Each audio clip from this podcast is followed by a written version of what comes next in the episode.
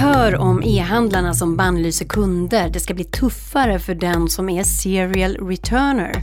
TikTok, kan den kinesiska appen, svenska barns favorit, överleva all kritik? Och så om en VDs mödor. En exklusiv inblick i Breakit-toppens liv.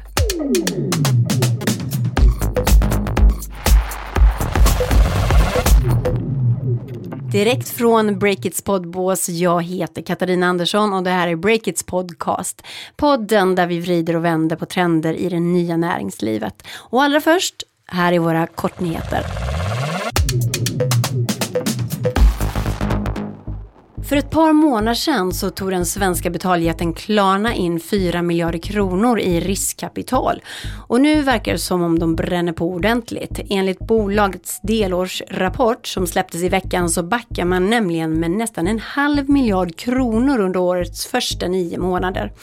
Så tror ni att det var krisstämning på grundaren Sebastian Siemiatkowskis kontor? Nej, det verkar inte riktigt så. Klarna säger själva att kostnaderna ingick i deras plan och antagligen är det bolagets satsning i USA som kostat pengar.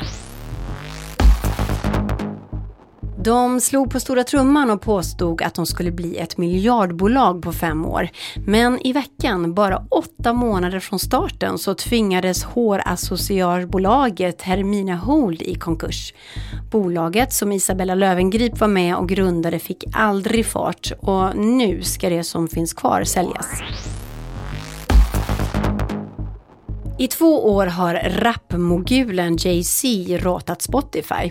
Den stormrike Sean Carter, som han egentligen heter, har istället satsat på sin egen streamingtjänst Tidal och försökt locka andra artister dit. Men hans bolag har haft problem, både finansiellt och med anklagelser om fusk. Och nu i veckan, i samband med att Jay-Z fyllde 50 bast, så gav han upp. Hans klassiska album är tillbaka på Spotify.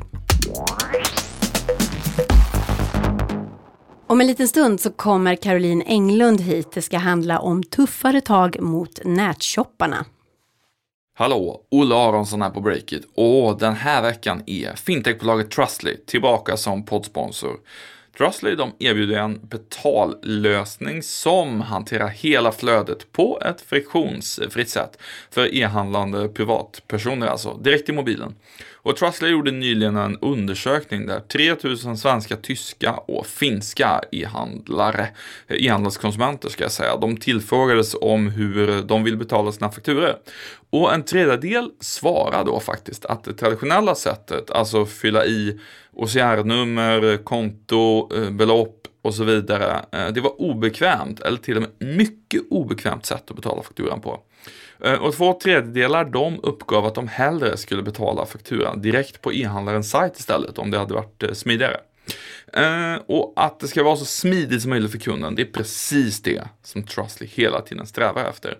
Därför så finns det nu en autogiro-funktion faktiskt, som låter kunden handla med ett enda klick utan krångliga OCR-nummer, pappersfakturer och eh, inte heller den här repetitionen av kreditkortets utgångsdatum som man är rätt trött på. Är det här något för din e-handel kanske och erbjuda konsumenterna? Eh, då kan du gå in på www.trustly.se och läsa mer om deras betallösning. Tack Trustly!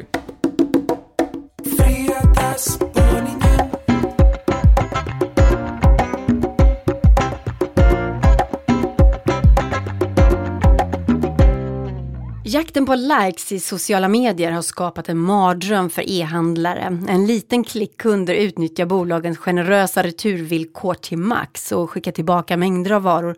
Och nu har storbolaget Boost surnat till rejält.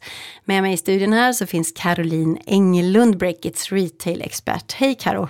Hej! Du, eh, vi ska börja med att prata om något som är helt nytt för mig, ett nytt ord. Serial returners. Vad är det för någonting? Ja men det är ungefär som det låter. Det är alltså en kund som sätter i system att handla en massa varor som den sen skickar tillbaka. Eh, många använder ju hemmet som ett provrum, alltså att man köper flera olika storlekar av något och så eh, skickar man tillbaka de som inte passar. Men det här är alltså kunder som har tagit det här till en ny nivå. Att man beställer hur mycket grejer som helst och också skickar tillbaka hur mycket grejer som helst. Och varför gör man så? Ja, men jag tror att den största anledningen är för att det är så enkelt det har ju varit väldigt hård konkurrens mellan e-handlarna en längre tid och då har de tävlat om vem som kan ha generösast villkor. Och många erbjuder fri frakt och fri retur så om man vill skicka tillbaka något så är det väldigt smidigt. Men bara för att det är enkelt så vill man ju inte skicka tillbaka tänker jag. Finns det inga eh, andra orsaker? Jo men det finns det såklart. Och en orsak kan vara den här jakten på likes i sociala medier. Mm. En undersökning som jag kollade på eh, som kom förra året var att en av tio britter som e-handlar gör det bara för att ta en bild på sig själva så de kan lägga ut i sociala medier. Och sen när det är gjort så skickar de tillbaka kläderna. Och den här trenden kallas för snap and send back, alltså att uh, ta en bild och skicka tillbaka. Men gud vad utbildad man blir här Karo. Eller hur? Snap and send back. Ja, det finns alltså en trend som heter så. Precis. Aldrig hört talas om. Ja, och sen finns det också kunder som nappar på erbjudanden. Det kan vara till exempel köp två tröjor och få en necessär på köpet. Och så köper du två tröjor, får necessären och sen lämnar du tillbaka tröjorna och behåller necessären som du har fått gratis. Smart, men man fattar ju att själva e-handlaren tröttnar på det här. Ja men precis, och i veckan så kom nyheten om att e-handelsjätten Boozt som bland annat säljer märkeskläder på nätet har bestämt sig för att eh, de ska bannlysa alla kunder som lämnar tillbaka för mycket. Jaha. Och jag ringde upp Boost finanschef Sandra Gadd och eh, hon berättade för mig att de har utvecklat en algoritm som identifierar kunder som skickar tillbaka stora mängder av varor. Eh, och sen eh, så fångas, de kollar på vilka som fångas upp i den här algoritmen och sen granskar de kunderna manuellt. Herregud, nu har liksom eh, storbror samhället kommit ända in i e-handeln. Mm, och sen om de hittar en kund som har det här beteendet så bara stänger de av kunden. Jag, jag tänkte lite, det är lite som rött kort. Ja, verkligen. De blir utvisade, de får inte handla mer. Okej, så Boost tar i med, med hårdhandskarna här, men vågar man verkligen det? Varför gör de så här? Sandra Gadd sa till mig att e-handelsmarknaden är mogen för det här nu och att eh, den här typen av beteende tycker inte hon är rätt varken mot bolaget eller mot de andra kunderna. Hon menar att det är en liten klick som förstör för alla andra. Mm. Returer är ju ett jättestort problem för e-handlarna. Och Boost har en returgrad på ungefär 40 procent. Mm. Men då har de alltså skapat ett beteende kan man säga som de faktiskt får stå för själva. Att de har gett väldigt generösa villkor då till alla de som handlar. Eh, och nu då så ska de dra tillbaka det. Det är liksom lite som att nu när man, man är hooked på det här med e-handel, då kan vi börja tajta till reglerna lite. Men hur vanligt är det med den här typen av kunder då? Nej men Boost eh, som just har börjat med det här har hittills identifierat 9000 stycken sådana här kunder. Och det låter ju jättemycket tycker jag. Mm. Men eh, egentligen så är det bara 0,3 procent av alla deras kunder. Eh, så det är ju en liten klick där. Men som jag sa förut så är det ju en av tio britter som köper kläder bara för att ta bilder och sen skicka tillbaka dem. Så det är ju ändå ett problem. Så finns det fler exempel än bara Boost? Ja, det finns det. I England så har närmare hälften av alla e-handelsaktörer sagt att de planerar att bannlysa kunder som eh, lämnar tillbaka för mycket. Och ASOS, den här stora marknadsplatsen för kläder och mode, de har redan börjat jaga kunder i sociala medier. Jaga i sociala medier, hur gör man det? Eh, ja men de kollar, alltså, ja, nej, de kollar om du, om de ser att du lämnar tillbaka väldigt mycket kläder så går de in på ditt Instagram och säger, ja men vänta lite nu, mm. de här har ju du haft på dig. Och ha, ser de det här? Det här låter ju som en polisstat ja. i e-shoppingens land. Precis, och har du då haft på dig kläderna då godkänns inte returen. Nej men gud. Så hur kommer framtiden se ut då? Eh, ja, jag pratade med ett företag som heter Vojada som jobbar med kundlojalitet och de kartlägger alltså e-handelskundernas beteende digitalt. Eh, och de sa att de kan väldigt lätt identifiera den här typen av kund om det är någon som lämnar tillbaka mycket. Och deras tips till svenska e-handlare det är att eh, helt enkelt sluta skicka ut marknadsföring och rabatterbjudanden till den här typen av kunder. Och att man istället då kan belöna kunder som eh, inte returnerar så mycket. Mm. Har du hört talas om social credit i Kina? Ja men det är lite liknande. Ja, det här är likadant för e-handlarna fast i Sverige. Så vi kommer få se mer av det här då, tror du eller? Eh, ja men absolut, det tror jag. Och sen tror jag också att eh, de gör det här för att eh, det blir ju en snackis när Boost säger så här, nu ska vi bannlysa kunder som, eller som returnerar för mycket. Då börjar man prata om det här beteendet. Och bara det att man pratar om det kan ju göra att kunder börjar fundera över eh, hur de gör när de handlar kläder. Mm. Så det är klart att de vill att vi pratar om det här i, i podden då och sprider ordet. Ja men precis, men sen, sen tycker jag också att bolagen har ju ett ansvar för att eh, man kan ju inte bara skylla på kunderna. De har ju skapat som du sa förut de här generösa villkoren med retur, eh, fria returer. Så Mm. det kan ju också vara så att företagen måste skärpa sina regler också. Mm. Och du kanske måste skärpa till lite Karo också med dina returpaket. Ja precis, som jag spårar med GPS. Kära vänner, häng kvar för Tobias Blixten Blixt gör strax ett nedslag här i poddbåset med sin spaning om kinesiska appen TikTok. Breakis podcast fortsätter sponsras av speltechbolaget Kindred, vilket vi ju är väldigt glada för. Och jag, Olle Aronsson, står som så ofta här mittemot Sören Törnlund, Kindreds utvecklingschef. Uh, Sören, en sak som du har nämnt tidigare som jag tycker är intressant, det är alternativa karriärvägar inom Kindred. Man ska inte behöva bli chef för att kunna avancera egentligen inom tekniken. Hur, hur funkar det hos er? På Kindred vill vi att det ska finnas bra sätt att växa utan att det kräver personalansvar. Eh, Många som jobbar med teknik vill fortsätta med det och ser inte en chefroll som ett naturligt steg. Och därför gäller det att hitta andra konkreta sätt att kunna utvecklas. Just det, vad skulle det kunna vara då till exempel? Eh, Kindred jobbar med en modell som heter OKR, Objectives and Key Results.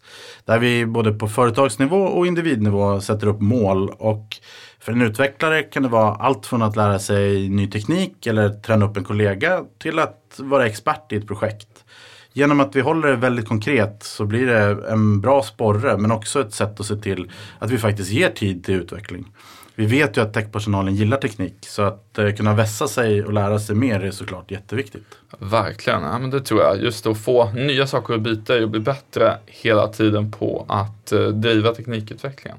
Tack så jättemycket Sören och eh, Kindred för att ni fortsätter stötta podden. Du, har du sett? Vi har fått nya mixställ, vad tycker du? Det är som Howard Stern, du vet. Som en, som en lampa alltså, så man kan föra micken bort och tillbaka, fram och tillbaka. Vad tycker du? Ja, men jag tycker den är jättebra. Det är Eller som man kan man säga hur? riktigt nära och göra här eh, ASMR-ljud. Det kommer aldrig rasa igen någonsin. Nej.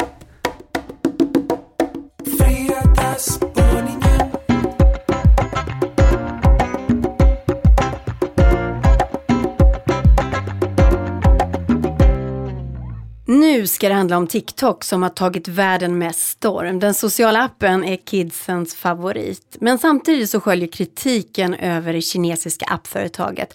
Kan de överleva den och kan en kinesisk app vinna över amerikanska sociala mediejättar? Vem vet? Antagligen Tobias Blixt som är med mig här i studion ska guida oss i TikTok. Hej! Hej Kat, kul att få vara här igen. Du, eh, TikTok har alltså äntligen nått Breakits reportrar, ni har vaknat till. Och den här appen, den har ju funnits länge i Sverige, men varför är du så intresserad av den nu? Ja, men dels har vi faktiskt en väldigt spännande artikel på gång som min kollega Johanna Ekström har skrivit. puff. Puff. Eh, som, det handlar ju mer om eh, vad man ska tänka på när man eh, marknadsför sig som företag då, på Ja. TikTok. Så att där är den ju lite breakit aktuell. Eh, vi ska inte börja hänga på TikTok, tror jag. Eh, Nej. Jag har inte tänkt så långt i alla fall. Eh, men själva TikTok som app har ju blivit väldigt i ropet igen på den senaste tiden faktiskt. Men det är väl mest småbarn som hänger där, eller? Huvudsak är ju det. Eh, I den här eh, Barnen och internet, eh, Internetstiftelsens senaste undersökning nu så visar det mig att det är ju allra störst eh, på, i mellanstadieåldern faktiskt. Sen Ja. finns det ju vuxna som hittar dit också. Det, det finns ju TikTok-poliser som det finns Twitter-poliser och sånt nu. Liksom de officiella, eller de obligatoriska poliskontona som ska finnas på alla sociala medier. det. Jaha. Så att, det är inte bara barn. Men du, vad är det då egentligen, du ska förklara det, alltså TikTok för dummies, som man säger? Säga, TikTok, det är ju i grunden typ två olika appföretag som har blivit ett egentligen. Det är ju det kinesiska bolaget eh, ByteDance som lanserade appen Douyin eh, 2016 i Kina och sen började de använda varumärket TikTok när de fick en mer internationell marknad. Och så köpte de ju upp den här Musical.ly från, eh, som också är ett eh, Shanghai-baserat eh, kinesiskt bolag som var stora redan i USA eh, och internationellt. Så de köpte ihop dem, slog ihop allt och helt plötsligt så var de ett jätteföretag efter det köpet då, kan man väl säga. in the air. Ha, we're just friends. So don't go look at me with that look in your eyes. Men vad gör man där alltså? Ja, men du lägger upp korta klipp på dig själv. I början var det mycket att du skulle mima och dansa till en låt kanske. Det är korta klipp på 15, nu tror jag du kan lägga upp 60 sekunder. Uh, där du gör någonting kul oftast då, är väl tanken. För att mm. annars är det inte så stor idé att titta en på En hel generation contentmakare kan man säga. Ja men verkligen. Mm, det är jättehäftigt. Ja.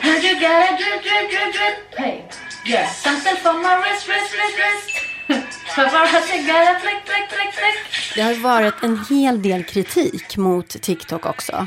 Vad handlar den om?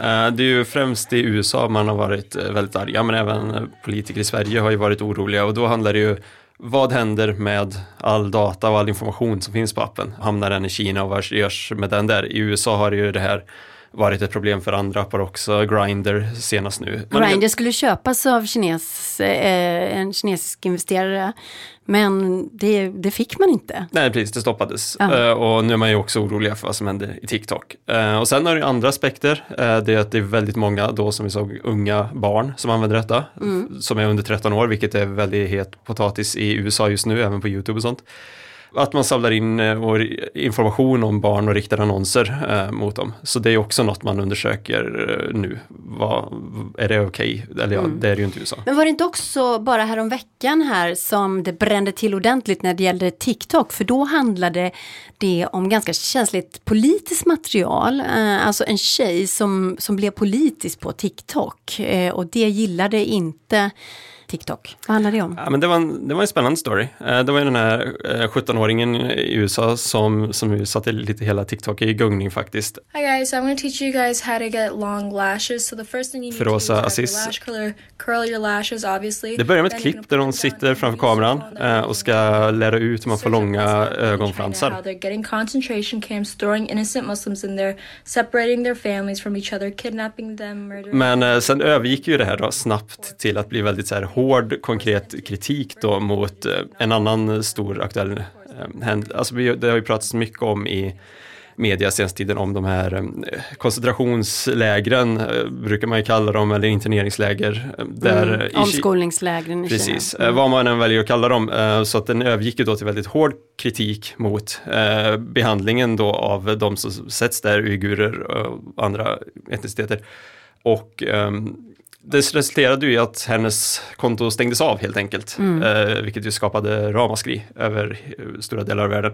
Misstänkte man då att det hade stängts ner för att hon hade kritiserat kinesiska regimen? Precis. Och vad eh, svarade TikTok på det då? TikTok sa ju då att det berodde på att hon hade haft ett tidigare konto där hon hade laddat upp en video med eh, Osama bin Laden, en bild på honom och att mm. det hade stängts av för terrorrelaterat innehåll det var ju en skämtvideo hon hade lagt upp som man då gör på TikTok, de här korta mm. skämtvideorna ofta. Hon är ju framförallt skeptisk till det för att hon stängdes ju av direkt efter den här videon och andra har ifrågasatt också, men det är ju TikToks officiella förklaring att, uh, att avstängningen hängde ihop med då att uh, hennes tidigare innehåll mm. på kontot. Det här är ju jättespännande för jag tänker så här, det är ett kinesiskt bolag men de opererar då i USA. Och så försvinner content och det är kanske inte riktigt utrett hur det egentligen låg Nej. till. Men i vilket fall så är det så här att eh, kinesiska regimen är ju väldigt på många svenska medier till exempel. Det har vi ju sett hur ambassadören här i eh, kinesiska mm. ambassaden i Sverige hotar regeringen och kulturministern när hon ska dela ut ett pris. Det finns många journalister som får så kallade anmärkningar av kinesiska ambassaden när de skriver saker som inte faller ambassaden i eh, smaken. Och då tänker man så här när det då gäller en app, Alltså hur kommer det bli? Det där är ju skitspännande. Men tycker du att, att det här kan bli ett så stort problem eh, om man, om man eh, opererar så här politiskt? Om man opererar politiskt så är det ju såklart ett jätteproblem. I det här fallet då så har det ju väckts väldigt många starka misstankar mot TikTok och TikTok försöker ju nu verkar det som alltså att distansera sig mer från Kina, sätta upp eh, mer verksamhet mot USA och liksom mm. försöka bryta de här misstankebanorna. Men det är ju absolut en eh, diskussion och, som kommer att trappas upp eh, den närmaste tiden. Det känns det ju solklart att det kommer göra. Mm. Så kan den här appen så småningom gå förbi stora sociala mediejättar som Facebook och, och Twitter och Instagram. Jag tror så småningom så mm. kommer nog historien upprepa sig att det kommer komma något helt nytt som uh, nya kids vill ha. Alltså det är ju så det har blivit. Kidsen hittar något nytt coolt, sen kommer föräldrar och morföräldrar och följa efter och sen blir det ocoolt. Och även den kidsen växer ju upp liksom. Och mm. då hittar man en nytt, man hittar Snapchat, man hittar TikTok nu liksom. Den cykeln lär ju fortsätta. Uh, men, kanske kommer från Ryssland då nästa stora kan, succé. Nog komma vart från som helst skulle jag gissa på. Alltså den växer ju och blir stor, TikTok. Det är ju en jättepopulär app. Men sen uh, Instagram jobbar ju med en egen kopia som de Facebook-företagen ofta gör. De gillar mm. ju att sno andras grejer. Så um, men vi får se, det, det, blir väldigt spännande att följa. Men alltså, TikTok är ju en supersuccé redan. Så att... Det sociala mediekriget mellan öst och väst. Ja, det kan man kalla det kanske.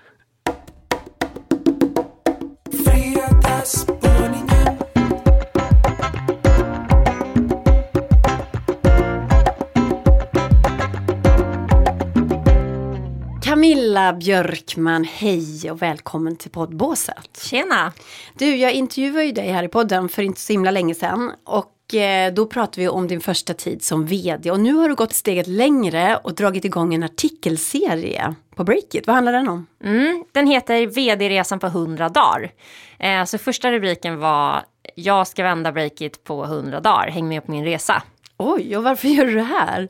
Ja, men jag tänker att eh, ja, varför gör jag det här egentligen? Eh, för jag är dum i huvudet? Nej, men för att jag tänker att det ändå finns eh, ett intresse av eh, ja, men, av liksom hur man leder bolag, de utmaningar som kan uppstå. Eh, och just så här, vad jag har sett ett litet hål inom, det är väl just det här att vara vd i ett eh, grundarlett bolag. Och, och, det kommer med så mycket mer. Det är liksom dels så här vdn som ska ta över och sen så är det eh, grundarna, vad, vad, ska hända med dem? Eh, det finns många personer som påverkas av mm. en sån sak. Och det tänkte jag, det ska jag ta ett grepp om. Här har jag min chans. Ja, det är lite som att bli eh, mamma åt någon annans bebis, eller? Ja, det finns ja, känslor inblandade här. Ja, verkligen. Ja. Så vad har du lärt folk då?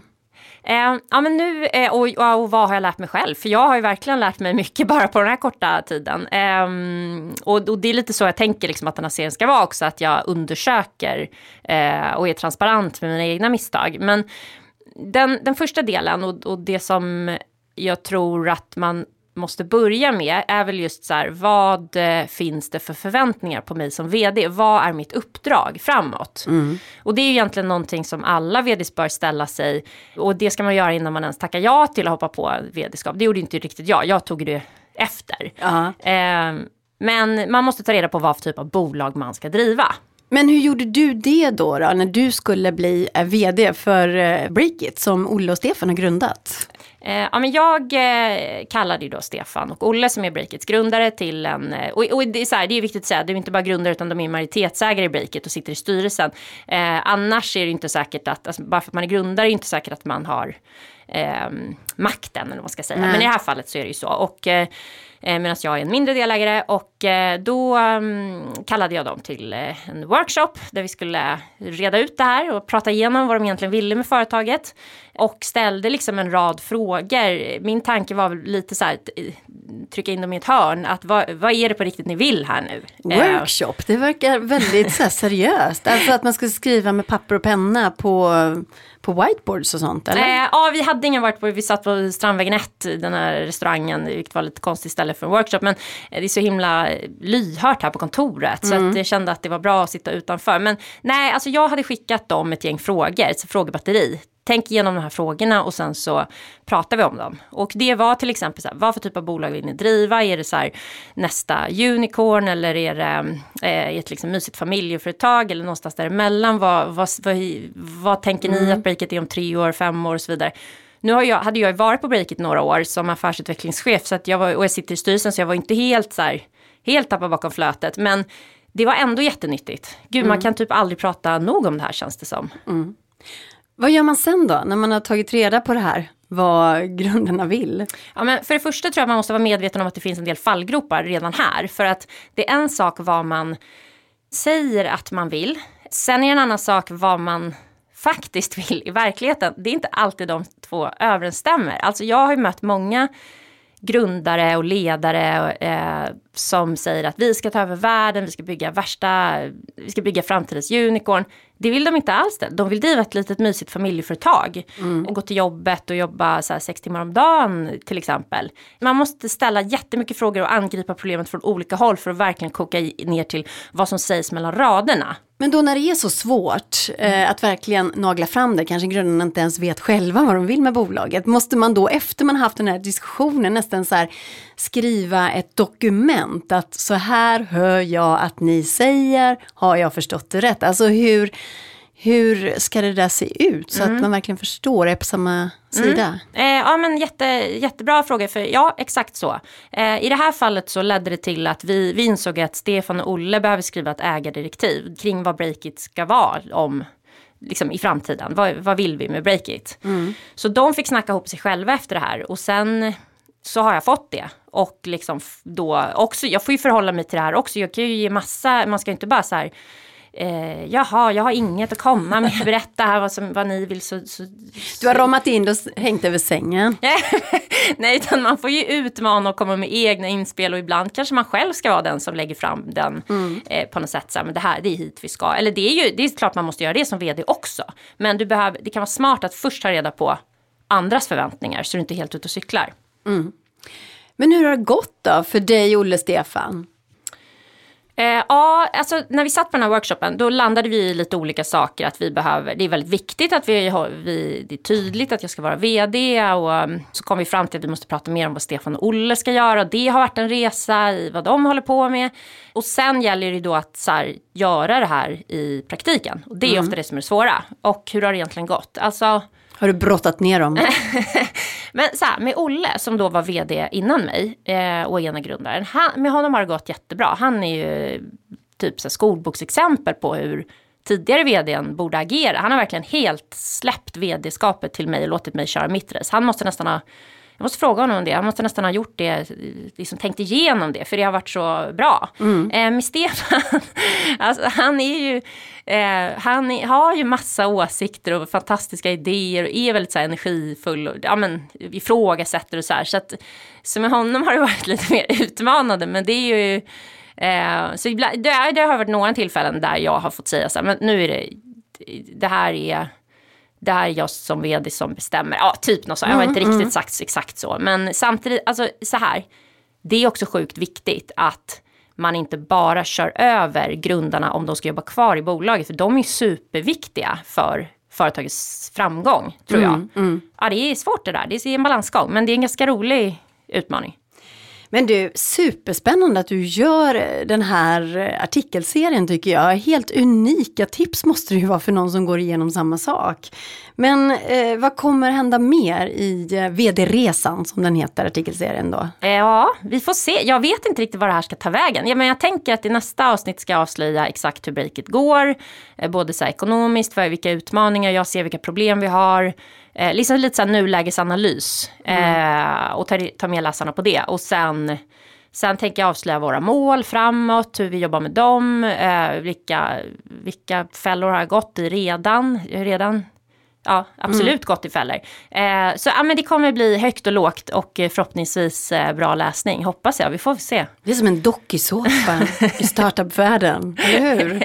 ja, det vore grymt om jag kunde få till det. Men en fråga då, om, om det kommer alltså riktigt jobbiga tider och jobbiga konflikter, kommer du vara transparent med det också, lovar du? Ja, det måste jag göra, absolut, jag lovar. Tack så mycket för att du kom hit Camilla.